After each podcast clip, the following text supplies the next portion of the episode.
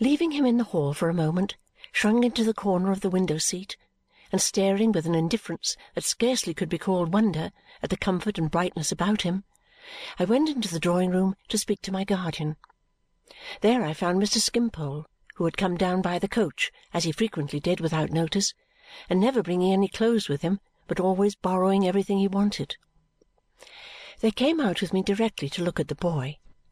The servants had gathered in the hall too, and he shivered in the window-seat with Charley standing by him like some wounded animal that had been found in a ditch. "This is a sorrowful case," said my guardian after asking him a question or two and touching him and examining his eyes. "What do you say, Harold?" "You had better turn him out," said Mr. Skimpole. "What do you mean?" inquired my guardian almost sternly. "My dear Jarndyce," said Mr. Skimpole, "you know what I am. I am a child. Be cross to me if I deserve it, but I've a constitutional objection to this sort of thing. I always had when I was a medical man. He's not safe, you know. There's a very bad sort of fever about him. Mr. Skimpole had retreated from the hall to the drawing-room again and said this in his airy way, seated on the music-stool as we stood by. "You'll say it's childish," observed Mr. Skimpole, looking gaily at us.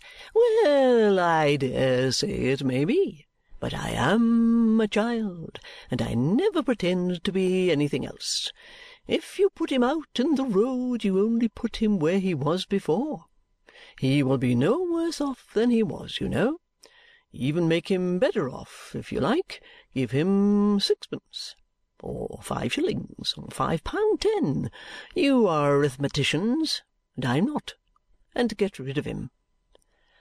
"And what is he to do then?" asked my guardian. "Upon my life!" Said Mr. Skimpole, shrugging his shoulders with his engaging smile, "I have not the least idea what he is to do then, but I have no doubt he'll do it." "Now, is it not a horrible reflection," said my guardian, to whom I had hastily explained the unavailing efforts of the two women, "is it not a horrible reflection," walking up and down and rumpling his hair, "that if this wretched creature were a convicted prisoner his hospital would be wide open to him, and he would be as well taken care of as any sick boy in the kingdom." "My dear Jarndyce," returned Mr. Skimpole, "you pardon the simplicity of the question, coming as it does from a creature who is perfectly simple in worldly matters, but why ISN'T he a prisoner, then?" My guardian stopped and looked at him with a whimsical mixture of amusement and indignation in his face. Our young friend is not to be suspected of any delicacy, I should imagine?" said Mr. Skimpole, unabashed and candid. "It seems to me that it would be wiser, as well as in a certain kind of way more respectable, if he showed some misdirected energy that got him into prison. There would be more of an adventurous spirit in it, and consequently more of a certain sort of poetry. I believe returned my guardian, resuming his uneasy walk, that there is not such another child on earth as yourself. Do you really? said Mr. Skimpole. I dare say. But I confess I don't see why our young friend, in his degree, should not seek to invest himself with such poetry as is open to him. He is no doubt born with an appetite Probably when he is in a safer state of health he has an excellent appetite. Very well. At our young friend's natural dinner hour, most likely about noon, our young friend says in effect to society, 'I am hungry. Will you have the goodness to produce your spoon and feed me?' Society, which has taken upon itself the general arrangement of the whole system of spoons and professes to have a spoon for our young friend, does not produce that spoon, and our young friend therefore says, 'You really must excuse me if I seize it.' Now, this appears to me a case of misdirected energy, which has a certain amount of reason in it and a certain amount of romance, and I don't know but what I should be more interested in our young friend as an illustration of such a case than merely as a poor vagabond which any one can be. In the meantime, I ventured to observe, he is getting worse. In the meantime, said Mr. Skimpole cheerfully, as Miss Summerson with her practical good sense observes, he is getting worse. Therefore I recommend your turning him out before he gets still worse. The amiable face with which he said it, I think I shall never forget. Of course, little woman, observed my guardian, turning to me, I can ensure his admission into the proper place by merely going there to enforce it, though it's a bad state of things when, in his condition, that is necessary. But it's growing late, and it's a very bad night, and the boy is worn out already. There is a bed in the wholesome loft room by the stable. We had better keep him there till morning, when he can be wrapped up and removed. We'll do that. Oh! said Mr. Skimpole with his hands upon the keys of the piano as he moved away. "Are you going back to our young friend?"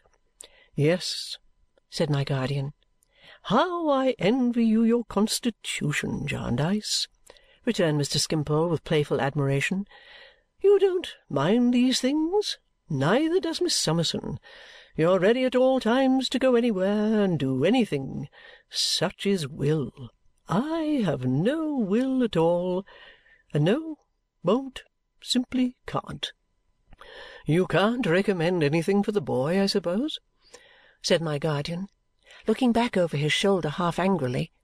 Only half angrily, for he never seemed to consider Mr. Skimpole an accountable being. "My dear Jarndyce, I observe a bottle of cooling medicine in his pocket and it's impossible for him to do better than take it. You can tell them to sprinkle a little vinegar about the place where he sleeps and to keep it moderately cool and him moderately warm, but it is mere impertinence in me to offer any recommendation. Miss Summerson has such a knowledge of detail and such a capacity for the administration of detail that she knows all about it. We went back into the hall and explained to Jo what we proposed to do, which Charley explained to him again, and which he received with the languid unconcern I had already noticed, wearily looking on at what was done as if it were for somebody else. The servants compassionating his miserable state and being very anxious to help, we soon got the loft room ready, and some of the men about the house carried him across the wet yard, well wrapped up. It was pleasant to observe how kind they were to him and how there appeared to be a general impression among them that frequently calling him old chap was likely to revive his spirits. Charley directed the operations and went to and fro between the loft room and the house with such little stimulants and comforts as we thought it safe to give him. My guardian himself saw him before he was left for the night and reported to me when he returned to the growlery to write a letter on the boy's behalf which a messenger was charged to deliver at daylight in the morning, that he seemed easier and inclined to sleep. They had fastened his door on the outside, he said, in case of his being delirious, but had so arranged that he could not make any noise without being heard. Ada being in our room with a cold, Mr. Skimpole was left alone all this time and entertained himself by playing snatches of pathetic airs and sometimes singing to them, as we heard at a distance, with great expression and feeling. When we rejoined him in the drawing-room, he said he would give us a little ballad which had come into his head, apropos of our young friend, and he sang one about a peasant boy. Thrown on the wide world, doomed to wander and roam, bereft of his parents, bereft of a home. Quite exquisitely. It was a song that always made him cry, he told us. He was extremely gay all the rest of the evening, for he absolutely chirped. Those were his delighted words when he thought by what a happy talent for business he was surrounded. He gave us, in his glass of negus, "Better health to our young friend!"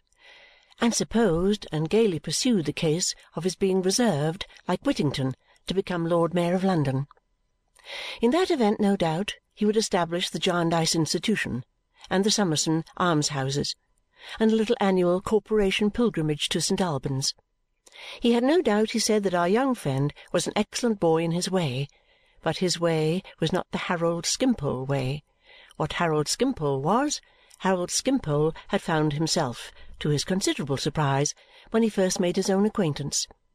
He had accepted himself with all his failings and had thought it sound philosophy to make the best of the bargain, and he hoped we would do the same. Charley's last report was that the boy was quiet. I could see from my window the lantern they had left him burning quietly, and I went to bed very happy to think that he was sheltered. There was more movement and more talking than usual a little before daybreak, and it awoke me. As I was dressing, I looked out of my window and asked one of our men, who had been among the active sympathizers last night, whether there was anything wrong about the house. The lantern was still burning in the loft window. "It's the boy, miss," said he. "Is he worse?" I inquired. "Gone, miss." "Dead?" "Dead, miss? No. Gone clean off." At what time of the night he had gone, or how, or why, it seemed hopeless ever to divine. The door remaining as it had been left, and the lantern standing in the window, it could only be supposed that he had got out by a trap in the floor which communicated with an empty cart-house below. But he had shut it down again, if that were so, and it looked as if it had not been raised. Nothing of any kind was missing. On this fact being clearly ascertained, we all yielded to the painful belief that delirium had come upon him in the night and that, allured by some imaginary object or pursued by some imaginary horror, he had strayed away in that worse than helpless state all of us, that is to say, but Mr. Skimpole, who repeatedly suggested, in his usual easy, light style, that it had occurred to our young friend that he was not a safe inmate, having a bad kind of fever upon him, and that he had with great natural politeness taken himself off. Every possible inquiry was made, and every place was searched. The brick kilns were examined, the cottages were visited, the two women were particularly questioned, but they knew nothing of him and nobody could doubt that their wonder was genuine. The weather had for some time been too wet, and the night itself had been too wet to admit of any tracing by footsteps. Hedge and ditch, and wall, and rick, and stack, were examined by our men for a long distance round, lest the boy should be lying in such a place, insensible or dead. But nothing was seen to indicate that he had ever been near. From the time when he was left in the loft room, he vanished.